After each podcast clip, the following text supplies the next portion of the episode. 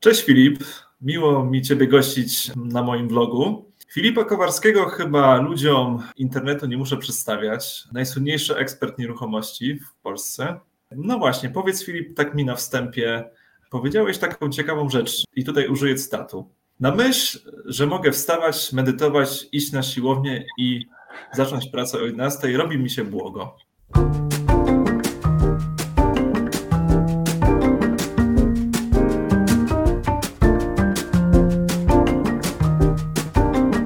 Gdybyś mógł dać taką jedną radę naszym słuchaczom, co zrobić, aby dojść do, do takiego statusu, czy co byś doradził sobie sprzed 10 lat, co to by było?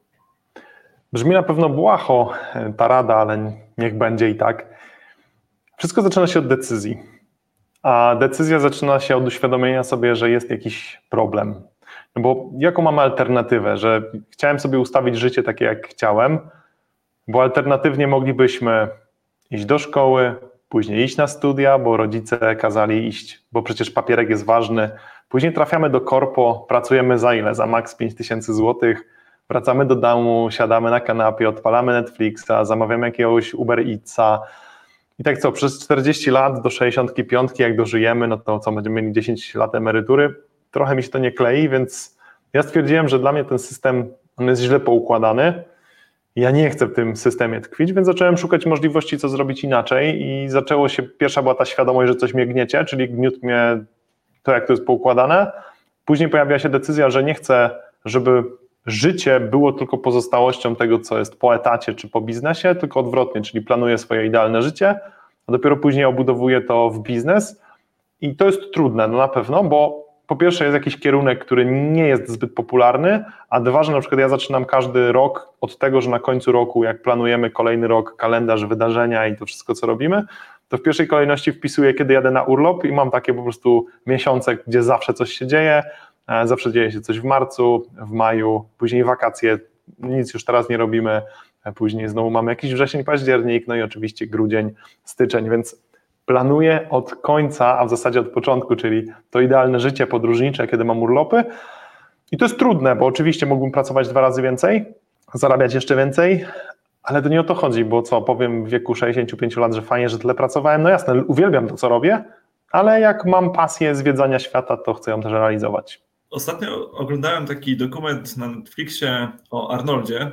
Mhm. Wiem, że lubisz tę postać i on po powiedział taki ciekawy, no. Tak, tak. Ciekawe zdanie, że na początku chyba brał takie podrzędne role, żeby zarobić na nieruchomości, bo wiedział, że to mu wolność finansową, żeby mógł wybierać te role, które są dla niego naprawdę dopasowane, prawda? I to jest chyba trochę taka filozofia życia, którą wydaje mi się ty realizujesz w Polsce, w naszych warunkach.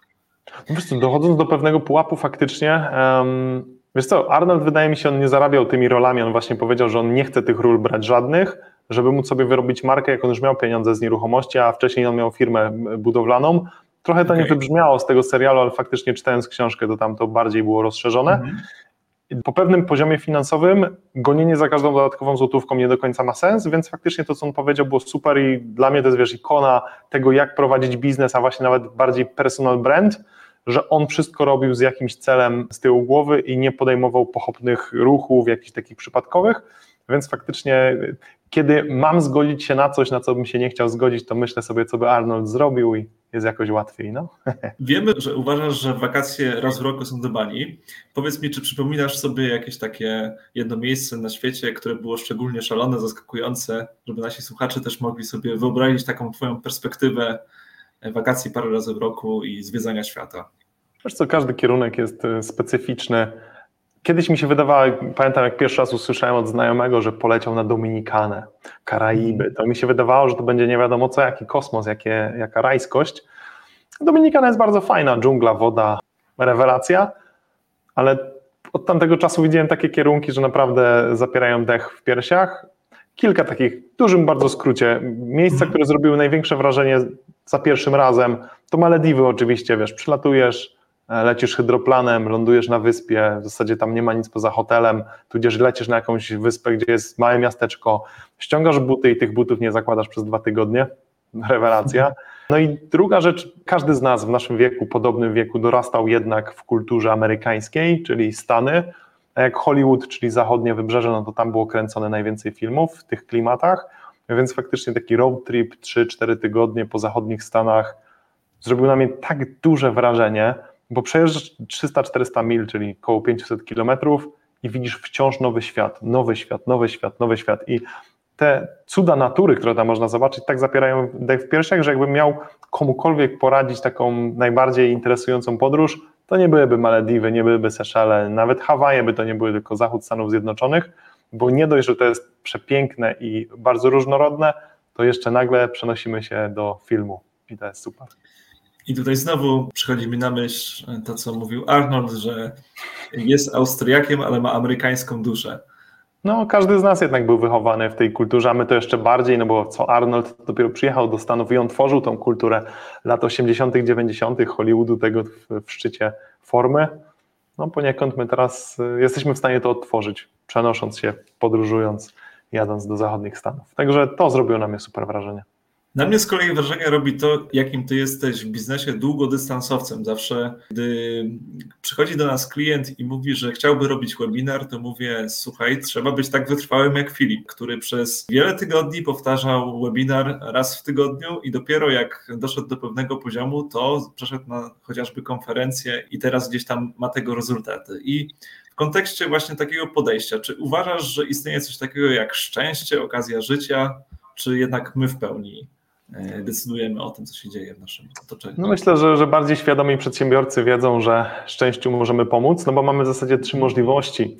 Co muszę zrobić, żeby osiągnąć sukces? Czy to jest tylko ciężka praca, czy to jest tylko szczęście? Ja ani tutaj, ani tutaj nie uważam, że jest na to miejsce, bo czasem nawet do ciężkiej pracy potrzebne jest jakieś szczęście, ale z drugiej strony, jeżeli potrzebne byłoby tylko szczęście, no to mógłbym leżeć na kanapie i oczekiwać, że przez otwarte okno wleci kupon totolotka, że wygrałem 30 milionów. Raczej się to nie wydarzy, bo okno też musiałbym uchylić, więc jakakolwiek praca musi zostać włożona. Ja jestem raczej z takich osób, które konsekwentnie wykonują pewne działania.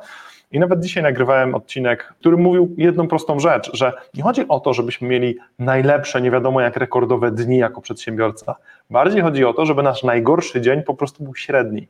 Czyli ja wiem, że moim tym fundamentem, nawet jak się źle czuję, nie chcę nic zrobić, to to jest taki średni dzień, a te moje dobre dni, one są tylko bonusem, to jest wisienka na torcie, bo cały mój biznes oparty jest właśnie o te średnie dni, gdzie ja wykonuję pracę, którą założyłem, wiesz, w kontekście jakichkolwiek webinarów, czy czegoś, co ja robię ogólnie w życiu, w biznesie, w nieruchomościach, w webinarach, zawsze to było tak, że ja biorę coś na warsztat i to szlifuję. I tu mówimy, wiesz, ja taki webinar pewnie robiłem setki razy, nieruchomości już pewnie w swoim życiu widziałem tysiąc lub więcej, tysiące mieszkań, i to wszystko przychodzi z pewnego doświadczenia i takiego wyczucia, bo wiele rzeczy możemy nauczyć się z książek, ale dopóki nie zaczniemy działać, to nie nabierzemy tego faktycznego doświadczenia, gdzie ja wchodzę do jakiegoś mieszkania, czy robię jakiś webinar, ja od razu mogę powiedzieć, czy on był dobry, czy, czy nie, czy mieszkanie jest atrakcyjne, czy nie. I nawet, wiesz, przeniósł się do innego kraju, bo tak nawet miałem taki epizod w swoim życiu, że chciałem przenieść się na pół roku, co roku, pół roku na Florydę i myślałem sobie, że tam kupować nieruchomości na wynajem i flipować, czyli kupować i sprzedawać nieruchomości. I stwierdziłem, że ten rynek jest dokładnie taki sam, bo fundamenty to jest 95% to są te same fundamenty, a żeby obracać nieruchomościami w Stanach, potrzebowałbym tylko wiedzieć, jak to ogarnąć prawnie i wziąć finansowanie lokalne od jakiegoś inwestora. Nic więcej nie potrzebuję, bo ja już wszystko wiem. Budujemy, każdy przedsiębiorca, czy nawet etatowiec buduje jakieś takie swoje CV, CV inwestora, CV przedsiębiorcy, czyli co w życiu zrobił, na ile ufa swoim umiejętnościom, na ile ufa swojej konsekwencji. Tylko myślę, że to jest taki wyznacznik. Najtrudniej zrobić pierwszy krok i tak zawsze jest, nie? Można podsumować, że 95% to jest tak naprawdę nasza taka żmudna, powtarzalna, czasami po prostu przykra praca, którą trzeba zrobić, a te 5% to są takie momenty, którymi można się w social media naprawdę pochwalić. No wiesz, jeszcze o szczęściu pomówmy, bo faktycznie temu szczęściu można pomóc. Jeżeli byłbym młodą osobą i pracowałbym na barze, wiesz, dorabiałbym sobie po godzinach, mam 21 lat, jestem barmanem w jakiejś spelunce, to raczej tam milionera nie spotkam ale mógłbym być tym samym barmanem, ale na przykład aplikować do miejsc trochę bardziej high-endowych, jakiś fajny hotel, mógłbym próbować jakieś pole golfowe obsługiwać. Dokładnie ta sama robota, tylko ja pomogłem szczęściu, bo ja jestem w pokoju bądź w okolicy, gdzie jest po prostu więcej osób z kasą, a ja po prostu widzę, jak działają ludzie z pieniędzmi, jakich teraz spotykam. Może to zabrzmieć kontrintuicyjnie albo w ogóle szalenie, ale zdarzało nam się, nie wiem, mieliśmy portfel nieruchomości na wynajem I nie lubiłem niektórych mieszkań, bo były, to nie była idealna lokalizacja. I byłem w stanie to komuś sprzedać nawet w dobrych pieniądzach, że on mógł nawet na tym spokojnie zarobić, tylko dlatego, że ja miałem jakiś ból. I ten ból był Ktoś by powiedział, Filip, dlaczego nie wysprzedałeś tego sam, drożej, mogłeś to na rynek wystawić? Ja mówię, miałem chętnego klienta, wiedziałem, że to pójdzie w dobre ręce, czy on sobie jeszcze na tym zarobi, a niech sobie zarobi, bo ja miałem w tym momencie zupełnie inne rzeczy e, do roboty, które dawały mi więcej kasy, nie? Więc patrząc na to z tej perspektywy, ja nawet mam możliwość dopomóc częściu, zawsze zmieniając spokój na taki, w którym nie jestem najmądrzejszy, tylko uczę się od innych, to jest to dobre miejsce. Super. A czy uważasz, że takie automatyzacje naszych zachowań w życiu są ważne, czy, czy, czy powinniśmy z nich korzystać? I znowu to się wszystko zaczyna od świadomości, bo Pewnie chodzi Ci o to, że nasz ludzki mózg lubi automatyzować pewne rzeczy i pewne automatyzacje, które on sam zrobił, nie jesteśmy ich świadomi, one nie są dla nas korzystne, a część mhm. automatyzacji jest dla nas korzystna. Pytanie jest, czy jesteśmy w stanie sobie, wiesz, stanąć przed lustrem albo zacząć obserwować to, co robimy każdego dnia trochę bardziej świadomie i się zastanowić, czy na przykład to zachowanie, które robię, ono mi służy, czy raczej mózg mi je kiedyś wrzucił i realizuje je w kółko i w kółko i w kółko, a nie daje mi to żadnych rezultatów, nie? Czyli powiedzmy, że jeżeli, wymyślam na razie, e, powiedzmy taki przykład, jestem menadżerem i codziennie przychodzę do firmy i wkurzam się na pracowników i się po nich drę. Mhm. Znowu to spartoliliście, co wy robicie. To czyja to jest wina? To jest wina ich czy twoja? No jeżeli jesteś menadżerem, a ci ludzie nie mhm. dowożą, no to to jest twoja wina. Tylko, tak. że mózg zautomatyzował, że najprościej jest krzyczeć po ludziach albo od nich czegoś wymagać i nie spojrzeć na samego siebie.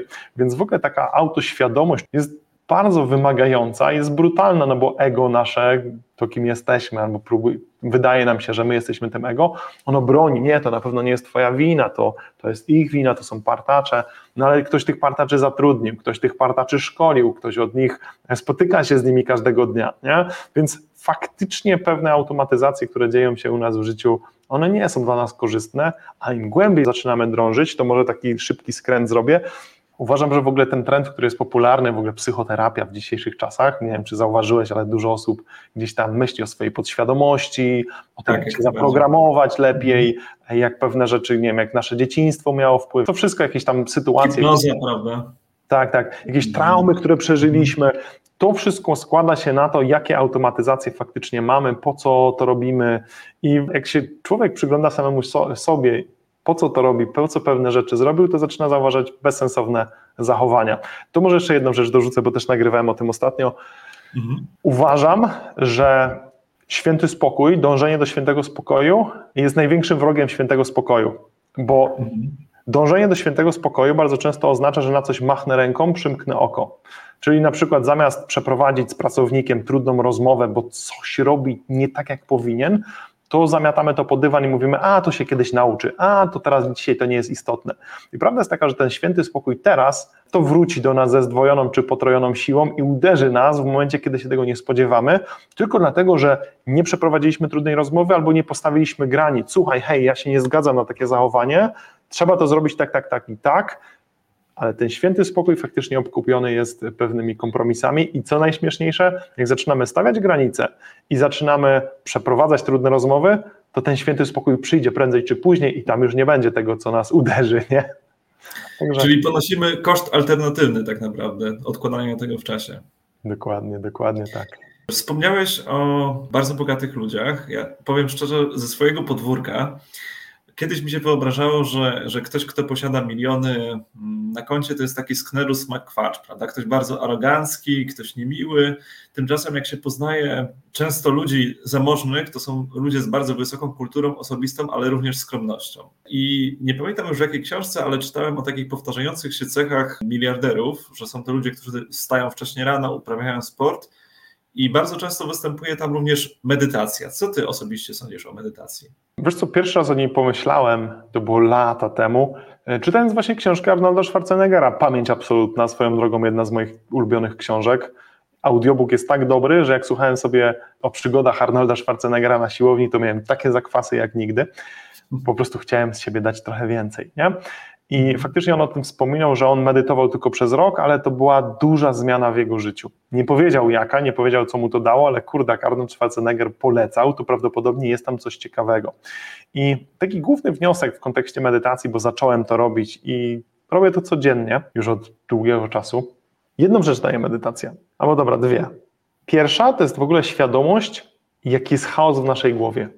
Posiedzieć 5, 10, 15 minut, nie mówię nawet dłużej, i poobserwować, co nasz mózg wymyśla, to ja potrafię mieć milion myśli, dwa pomysły na biznes, rewolucyjny pomysł na zmianę świata i pełno takiego dziadostwa, jakichś takich myśli, co było wczoraj, co będzie w przyszłości, kto mnie wkurzył. Nie? I tak tkwimy w tym, więc to jest takie pierwsze coś, że zaczynam obserwować, że ten mój mózg jest taki, taki zagracony pokój i warto coś z tym zrobić. A druga rzecz, że medytacja, jak już zobaczymy te myśli, ona pozwala, daje ci taką mikrosekundę, dobra, powiedzmy nawet sekundę, żeby zastanowić się, czy ja chcę zareagować w ciągu dnia tak, jak chcę. Czyli jadę, ktoś mi zajeżdża drogę, najchętniej bym go obtrąbił, zwyzywał.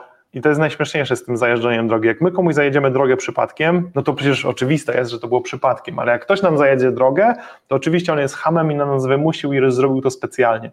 I ta medytacja daje ci taką sekundę, żeby się hej, no w sumie jak ja komuś zajeżdżam drogę, to raczej jest to bardzo przypadkowe. Jak ktoś mi zajeżdża drogę, jest duża szansa, że też mi zrobi to przypadkowo. Czy ja chcę się wkurzać na tą osobę w tej mojej metalowej puszce zwanej samochodem, skoro ta osoba i tak nie będzie wiedziała, że ja się na nią wkurzam i po co mi to? Ja się wkurzam na jakieś czyjeś zachowanie, nad które w ogóle nie mam kontroli. I to mi dała medytacja, a teraz jakby szukam jeszcze czegoś dalej, póki co sobie siedzę, medytuję i sprawdzam się to. No. Nawet jeżeli nic więcej w życiu nie przyjdzie, niż tylko te dwie rzeczy za nami wystarczą. Czyli polecasz ze swojej praktyki, żeby faktycznie uspokoić umysł i jakby korzystać z tych możliwości, które tak naprawdę daje medytacja.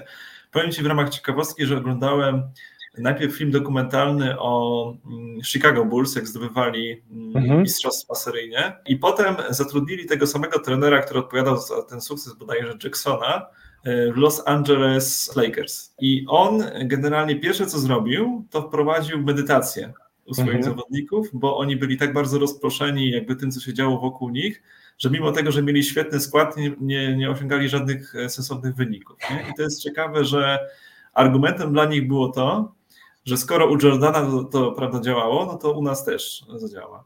A może tak szybko jeszcze w kontekście medytacji, myślę, że wiele mhm. osób niepotrzebnie przypisuje jakąś tam wartość innych religii, tak, że to jest jakaś inna religia, bo prawda jest taka, oczywiście możemy medytować w kontekście buddyjskim i tak dalej, no, ale tak samo jak ktoś może powiedzieć, że yoga jest z innej religii, tak, ja bardziej patrzę na to e, pragmatycznie, co ta medytacja mi daje i ja nie muszę, wiesz, mieć medytacji buddyjskiej, żeby po prostu posiedzieć sobie w spokoju, ja też nazywam to odpoczynkiem od myśli, od, odpoczynkiem nawet od wszystkiego, posiedź sobie 15 minut, zamknij oczy, zobacz jakie myśli ci przychodzą, jak przyjdzie to spoko, dzięki za to myśl, posiedzę sobie, w ogóle bardzo fajne pytanie, polecam każdemu. Zrobiło na mnie to spore wrażenie.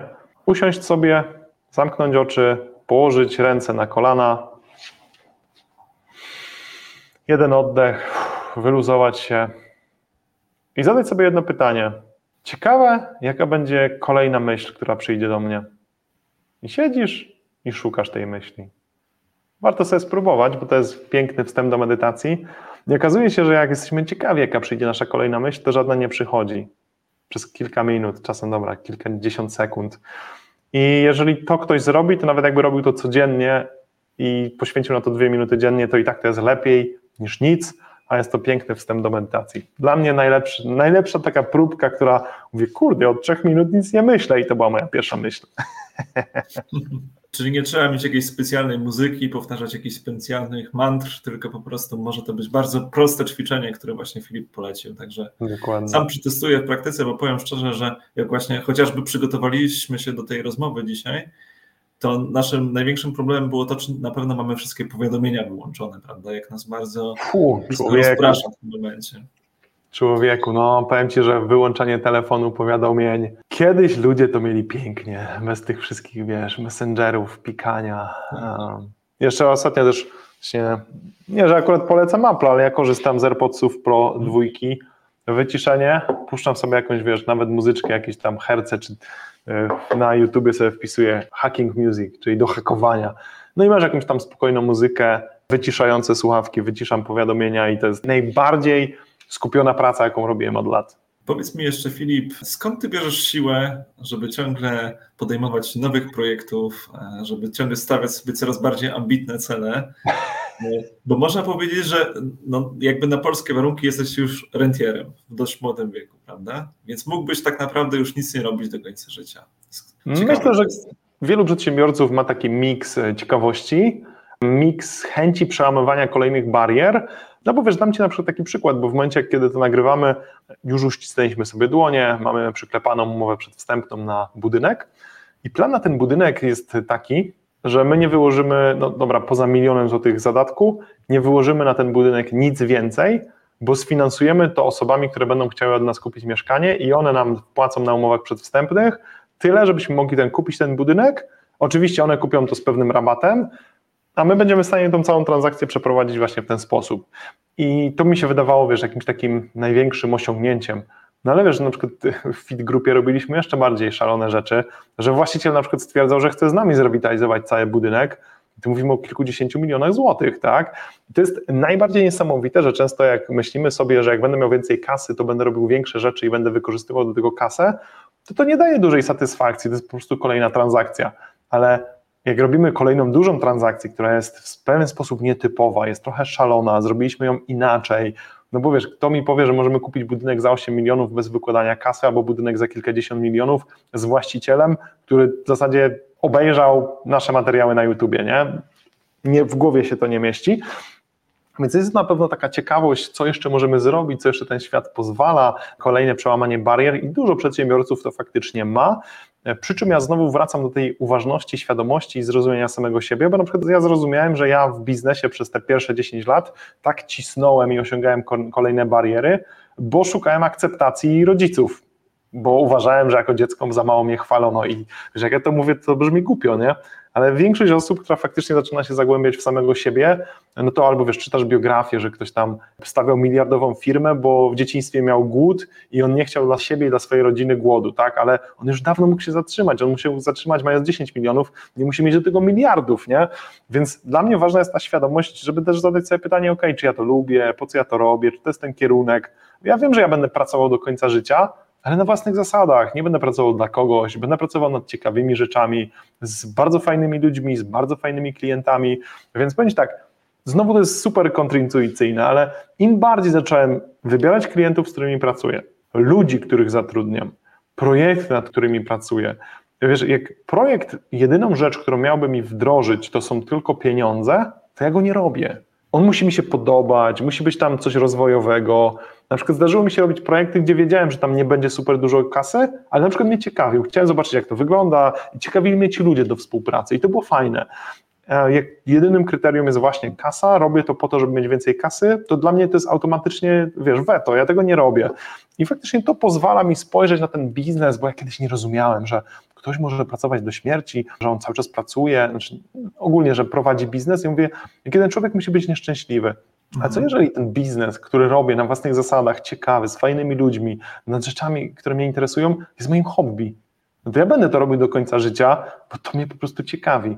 I jak mam ten balans, taki uczciwy balans, że podróżuję tyle, ile chcę, mam czas na swój związek, na swoją żonę, na swoją rodzinę i robię jeszcze ciekawe rzeczy, no to po co miałbym tego nie robić? Myślę, że warto zrobić sobie taki rachunek sumienia, który klient nas wkurza, który projekt nas wkurza, który pracownik nas wkurza i to niestety oznacza trudne rozmowy. Ale te trudne rozmowy są drogą do tego faktycznego świętego spokoju, o którym mówiłem wcześniej. Ja tak czasami, jak przyjeżdżam przez Polskę, gdzieś podróżując, zastanawiam się, że ludzie stawiają domy, na które biorą 30-letnie kredyty i są nieszczęśliwi w swojej pracy. Nie? I jak tak. po prostu w jakiej bańce jakby trochę żyjemy jako przedsiębiorcy, że kurczę, no mamy fajne życie tak naprawdę. Trochę stresujące oczywiście, ale z drugiej strony możemy realizować swoje marzenie i jaka szkoda, że po prostu do większości ludzi to nie dociera, nie? że można kurczę zrobić trochę inaczej, nie? Wiesz co, ja, ja wyznaję taką zasadę, że jak ktoś nie chce pomocy, nie chce takiego spojrzenia, nie chce takiego życia, ja na siłę nikomu nie będę e, tego wciskał w gardło, ale jeżeli ktoś ma jakieś zainteresowanie przedsiębiorczością, ja z przyjemnością z nim pogadam, doradzę mu, pokażę inne perspektywy, i każdy z nas ma jakieś tam swoje inne życie, inne rzeczy do przeżycia w tym życiu. Niektórzy może mają to, że będą pracowali na etacie do 65 i tyle, nie? Dla mnie to też jest ok, nie oceniam, oni mają swoje życie, ja mam swoje, ja jestem zadowolony, może oni też są, nie? Niektórzy tak bardzo cenią sobie spokój i bezpieczeństwo i chodzenie do pracy, że uważają, że to będzie, że to jest dla nich droga. I. Okay. Tak, jeżeli ktoś jest szczęśliwy, to jak najbardziej zgadzam się z takim podejściem. Powiedz mi jeszcze, bo spacerując gdzieś tam po internecie, bardzo często wyskakują Twoje reklamy. Można powiedzieć, Filip wyskakuje z lodówki, jak jest czas konferencji. Czy może ktoś Ci pomaga, jakaś agencja w e, ustawianiu tego? Nie, wiesz co, sam, sam to robię. Nie no, oczywiście współpracujemy, e, Dawid, e, w kontekście całego marketingu z WebMetro, czyli Twoją firmą. No i muszę Ci powiedzieć, że fajnie, jestem zadowolony w kontekście tego, że faktycznie to, co mam, mam potrzebę, to jest to zrealizowane. Podejrzewam, że ja nie jestem takim typowym klientem, który też przychodzi i mówi, Dawidzie, wymyślcie mi całą kampanię, bo ja już przychodzę z jakimiś gotowymi pomysłami, chociaż też lubię z Wami pokonsultować, co można zrobić, jak to wygląda, jakie są trendy, co tam ciekawego się ostatnio wydarzyło. Także w tym kontekście ja lubię, powiem Ci tak, ja zawsze dążyłem do tego, żeby w moim tym takim korowym zespole, takim najbliższym mnie, było 10 osób max. Czyli ja uwielbiam outsourcing usług, czyli szukanie konkretnych firm, które zrealizują mi kompleksowo konkretną usługę. I tak też w tym przypadku jest z Wami. Kiedy zaczęliśmy współpracę w roku 2018, czyli zobacz, ile już lat minęło, w zasadzie jak mamy rok 2024, no to już 6 lat. Powiem Ci, że 6 lat i jak człowiek jest zadowolony, przynajmniej ja taką zasadę wyznaję, i nie mam na co narzekać, to nawet, wiesz, miałem pełną propozycji, Filip, ja ci będę prowadził to za pół ceny, ja ci to zrobię lepiej. Ja mówię, czy lepiej to nie wiem, bo nie mam dowodów, że zrobisz mi to lepiej, może zrobisz mi to taniej, ale dla mnie, ja nie szukam taniej, ja szukam bezobsługowo, spokojnie i wiem, że jest zawsze zrobione, a jak nie ma fuck-upów od 6 lat, to już w ogóle jest pięknie. Super. E, jak to kiedyś pięknie powiedziałeś, oceniasz kampanię po tym, że jak wchodzisz na konto, to po wydaniu budżetu jest zawsze więcej tych środków. Jak mniej więcej teraz oceniasz zwrot z tej inwestycji w reklamę? No, konkretów nie zdradzę, ale faktycznie no, takie najlepsze kampanie, oczywiście to, to nie jest idealne pokrycie całej kampanii, ale niektóre rzeczy, które tam powprowadzaliśmy, dają zwrot na poziomie 50 razy. Niestety nie da się pewnych źródeł skalować bardziej, ale no taki zwrot jest kosmiczny. powiem Ci, że całokształcie jest dobrze.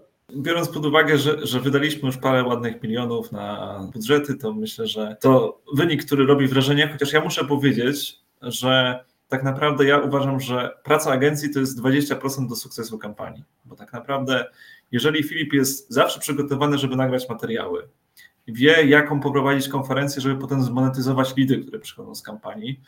I przede wszystkim jest systematyczny w tym, co robi. To tak naprawdę jest to idealny przykład do skalowania takiego biznesu przez kampanię. Jeżeli ktoś po prostu uważa, że zleci agencji prowadzenie kampanii i oczekuje, że bez jakby swojego zaangażowania pracy po prostu chce osiągnąć takie wyniki, to niestety to nie wyjdzie i staram się coraz bardziej ewangelizować właśnie, że tak naprawdę większość sukcesu jest po stronie klienta, my tylko jakby pomagamy tak naprawdę w osiąganiu tych celów. To prawda, zgadzam się w 100%, ale no ze wszystkim tak w życiu jest, że nawet najbardziej kompleksowa usługa, w tym wypadku marketing, ona i tak sprowadza się do tego, jaką firma ma obsługę klienta, jak ma poukładane produkty, jak ma poukładany lejek sprzedażowy, jak powraca do klienta, jak wygląda obsługa reklamacji, no i tak dalej, i tak dalej. To wszystko, wiesz, jest jeden wielki ekosystem.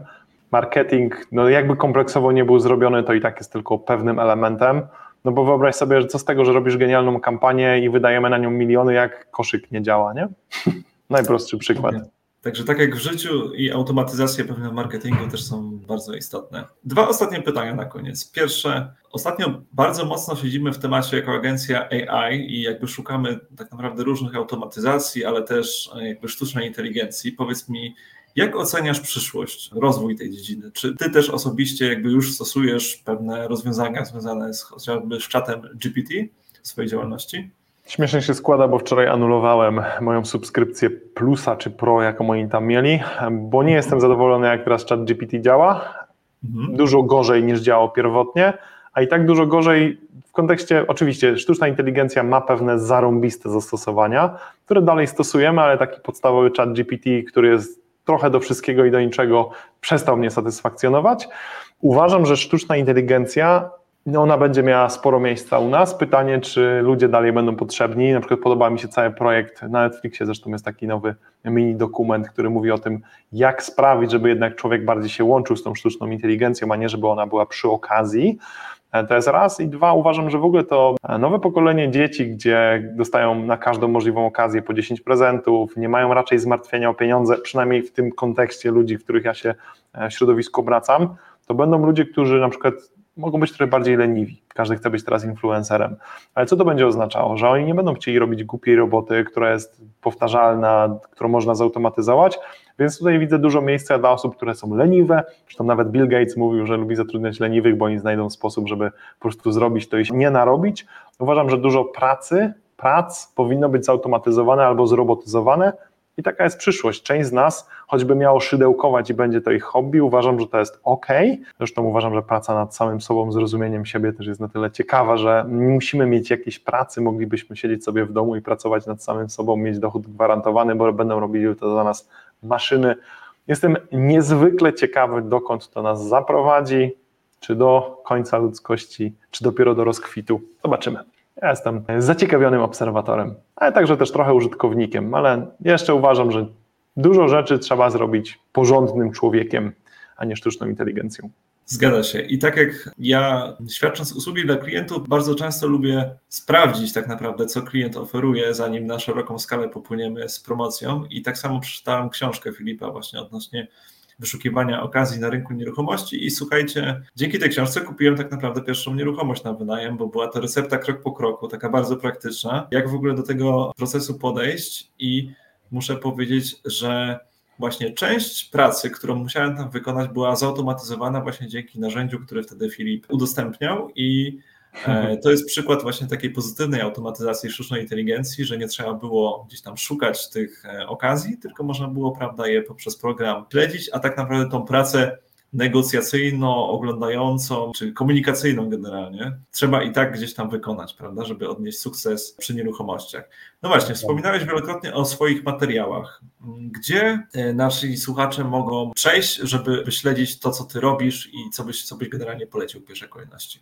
Dokładnie. Jeżeli kogoś interesuje to, co ja robię pod kątem przedsiębiorczości, inwestowania w nieruchomości, to oczywiście polecam mój kanał na YouTubie Filip Kowarski. Jeżeli ktoś chce bardziej kompleksowo zająć się nieruchomościami, interesuje go temat inwestowania, to mamy też bezpłatne wydarzenie, konferencję po prostu filipkowarski.pl konferencja. Można sobie odebrać bezpłatny bilet i to jest cały dzień z poziomu komputera, jesteśmy na żywo, odpowiadamy na pytania, jest tak poukładane. I to jest też myślę, że ważna rzecz. Z czystym sumieniem i z ręką na sercu mogę powiedzieć, że ten produkt za darmo rozdawany jest tak dobry, że większość osób na rynku mogłaby ten produkt po prostu sprzedawać za kilka tysięcy złotych. My chcemy dawać to za darmo, bo ja wyznaję taką zasadę, że jeżeli ktoś ma pierwszą styczność ze mną i nawet dostał to za darmo, to jak to będzie kiepskie, to nigdy w życiu do mnie nie wróci. Jak to jest bardzo dobre, jeszcze dostał to za darmo, to kiedyś wróci do mnie ze zdwojoną siłą. No i wiesz co, nie na darmo, no jednak mamy w tym momencie w obrocie nieruchomości na poziomie ponad 200 milionów złotych i dużo z tych nieruchomości jest jednak robione z ludźmi, którzy oglądają mnie na YouTubie, byli na konferencji, współinwestują z nami, kupują od nas nieruchomości, więc w takiej skali ja bym nie był w stanie zbudować sam, nie byłbym w stanie zbudować jej bez właśnie takiej grupy i moim zdaniem dawania naprawdę wartościowych treści zupełnie za darmo, żeby ktoś mógł zobaczyć co ja robię, jak uczę, jak przekazuję wiedzę, jak robię biznes, zanim cokolwiek u mnie wyda. To moje podejście. Także słuchajcie, nie, nie, trzeba koniecznie brać kredytu na 30 lat i w ten sposób finansować nieruchomości, tylko właśnie Filip uczy, jak to zrobić sprytniej i jak to zrobić z wykorzystaniem różnych dźwigni. Dzięki Ci wielkie Filip za udział w tej rozmowie. Myślę, że była bardzo inspirująca. I co, do następnego w takim razie. Dzięki za zaproszenie, dzięki za obejrzenie. Cześć.